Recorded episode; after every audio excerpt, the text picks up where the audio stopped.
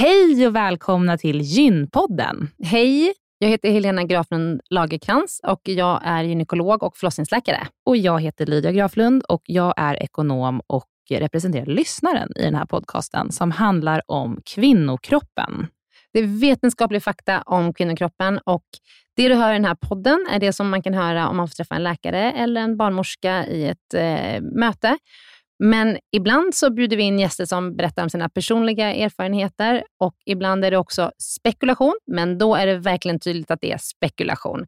Annars är grunden för den här podden vetenskaplig fakta om kvinnokroppen. Så är det. Hoppas att ni vill lyssna.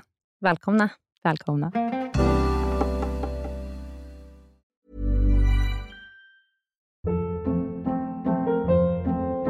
Hold up. What was that? Boring. No flavor. That was as bad as those leftovers you ate all week. Kiki Palmer here, and it's time to say hello to something fresh and guilt-free. Hello Fresh. Jazz up dinner with pecan-crusted chicken or garlic butter shrimp scampi. Now that's music to my mouth. Hello Fresh. Let's get this dinner party started. Discover all the delicious possibilities at hellofresh.com.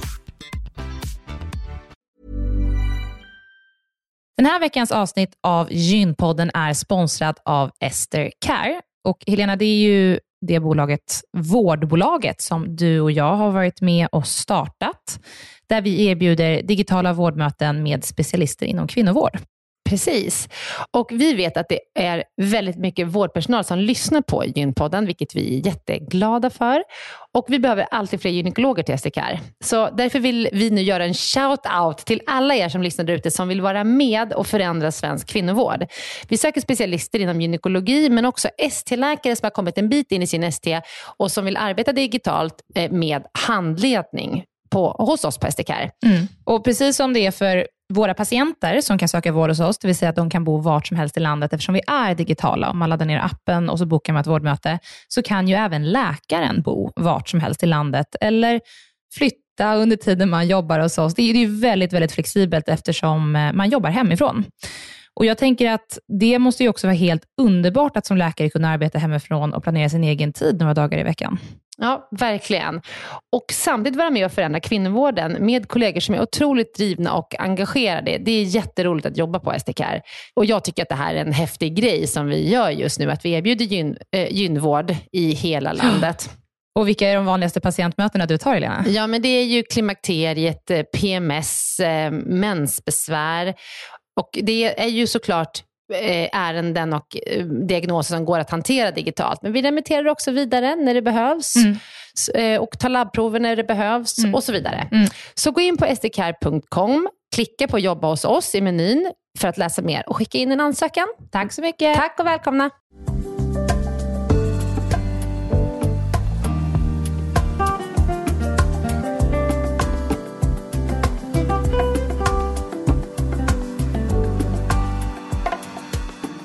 Välkomna till dagens avsnitt av Gynpodden svarar, där vi ska fråga frågor till doktor Helena.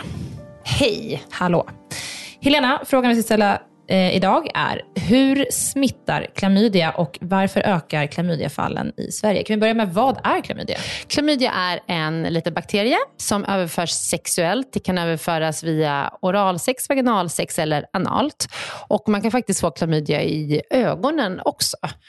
Ehm, så mm, all, väldigt allvarliga ögoninfektioner kan ibland vara faktiskt en klamydiainfektion.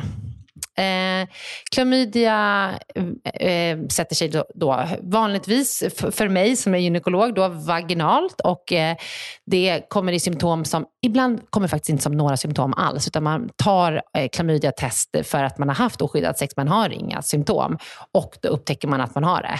Men eh, om man har symptom så är det ofta att man har mellanblödningar, som blöder mellan menstruationerna. Det svider när man kissar, man har lite ökade rosa eller eh, lite rikligare flyt flytningar. Och Man kan faktiskt också få ont i magen. Och Klamydia kan leda till att man får liksom stora infektioner i buken som faktiskt kan påverka fertiliteten. Så det är en väldigt allvarlig sjukdom. Och eh, Den ska behandlas så fort man upptäcker den. Eh, vi, behandlar ju den med eh, antibiotika mm. eh, och eh, det är ju fortfarande en ganska lättbehandlad eh, sjukdom, till skillnad från vissa andra sexuellt överförbara sjukdomar där resistensen ökar så att de blir mer och mer svårbehandlade. Men klamydia går fortfarande bra att behandla. Mm. ingår i smittskyddslagen, så att mm. vi måste liksom anmäla, när vi upptäcker ett klamydiafall, så måste vi anmäla det till smittskyddsenheten i Sverige. Och, ehm, då, så då har vi faktiskt väldigt bra koll på hur många som testas positivt för klamydia varje år. Då, måste man också, då har man en skyldighet att meddela de som man har haft oskyddat samlag med, eller hur? Exakt. Mm. Det kallas smittspårning och det är för att man ska försöka få stopp på den här sjukdomen. Gör man det som privatperson då, eller gör eh, systemet det? Så att Vi säga? i vården hjälper till med ja, det. Ja. Att kontakta de som man... Utan, Skickas ut ett brev? Liksom. Exakt. Mm. Att det, någon som du har haft samlag med har, haft, har testats positivt, så gå och testa dig och så. Behandlingen är gratis, just för att det lyder under smittskyddslagen, så du behöver inte, behandla, du behöver inte betala för ditt läkarbesök eller ditt antibiotikarecept. Och, um, och varför ökar klamydiafallen i Sverige? Ja, Eh, klamydia har ju ökat länge. Dels är det ju faktiskt för att vi är dåliga på att använda kondom vid nya sexuella relationer.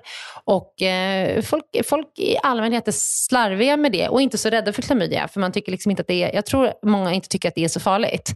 Men går man med klamydia länge så, eh, jag som gynekolog har sett jättehemska fall av klamydia. Så jag mm. tycker att man ska vara försiktig och rädd om sig själv och mm. alltid använda kondom i nya relationer. Jag kan tänka mig att folk också tänker att om man går på preventivmedel så är man skyddad mot oönskad graviditet. Och så tänker man mm. inte att eh, kondomanvändning är ju faktiskt också för att skydda mot sjukdomar. Ja, mm. exakt. Så även om du står på p-piller eller har en hormonspiral, alltid kondom på när man har nya sexuella relationer. Mm. Men sen är det också att vi testar mer nu, så jag tror att vi hittar flera klamydiafall nu än vad vi gjorde tidigare. Mm. Tror du att vi kommer kunna bli av med klamydia någon gång? Nej, jag Nej. tror faktiskt inte det. Nej. Jag vet inte vad som skulle till för att vi skulle göra det. För jag menar smittspårningen har vi hållit på med länge och smittskyddsanmält. Eh, och ändå så liksom ligger talen på, det är ganska höga tal i Sverige på klamydia. Så att, eh, nej, jag tror inte att man kan bli av med det. Men däremot så tänker jag att eh, det är väldigt viktigt att, um, att vi liksom kommer ut med information om att testa dig, var, in, var, inte rädd för att testa dig. Det finns, alltså, och, och testa sig Lydia. Nu kan man liksom beställa hem gratis mm, test ifrån sin region. Anonymt, ja, liksom. mm. och du beställer hem det, du tar en pinne i slidan själv och skickar in det och får ditt besked. Ja. Och, eh, och man kan ju också, om man är ungdom, kan, kan man gå till ungdomsmottagningen, du kan gå till din vårdcentral, du kan gå till din gynekolog. Ja. Så liksom, det, det finns väldigt många, enkelt. Ja, det, det är faktiskt det. enkelt att ta ja. det nu. Så det är klamydia. Och sen bara vill jag nämna kort, och det är gonorré. Gonorré är ju också en sexuellt överförbar sjukdom som ökar i, i Sverige. Och den är mycket mer allvarlig för det är liksom en resistens mot behandlingen som breder ut sig. Så det är svårare och svårare att behandla gonorré. Och gonorré kan också leda till allvarliga infektioner i äggledarna, i buken som kan leda till att man får nedsatt fertilitet. Mm. Så ja, och den smittar ju också då såklart eh, genom eh, oskyddat samlag. Så använd kondom helt ja. enkelt. Och siffran för klamydia, jag vill bara som en sista grej, ja. siffran för klamydia, eh, den ligger ju runt eh, alltså över 35 000 fall per år ungefär. Så ganska det är ganska mycket. hög siffra. Ja. det är många som drabbas av det. Ja. Okej, tack Helena. Nästa vecka så kommer vi att prata om postpartum depression och vad sjukvården kan göra. Vill du berätta lite mer om det? Ja, postpartum depression är ju en, en ganska vanlig åkomma, så att, att man blir ledsen och deprimerad efter att man fött barn. Och Det är inte alltid som vi fångar upp den i vården, men det är jätteviktigt att vi gör det, för det finns effektiva behandlingar. Och den kan göra tiden som nybliven mamma mycket bättre om vi liksom hittar depressionen och behandlar den i tid. Så det här ska vi podda med en jätteduktig eh, gynekolog och förlossningsläkare som heter Alkistis som kommer hit och hon har forskat mycket på det här. Mm. Eh, så jättespännande att få podda med henne mm. och att få berätta mer om Så viktigt ämne. Ja. ja mm. Som alla våra ämnen. Ja, som alla våra ämnen. Ja. Ja. Okej, men tack så mycket. Tack, hej.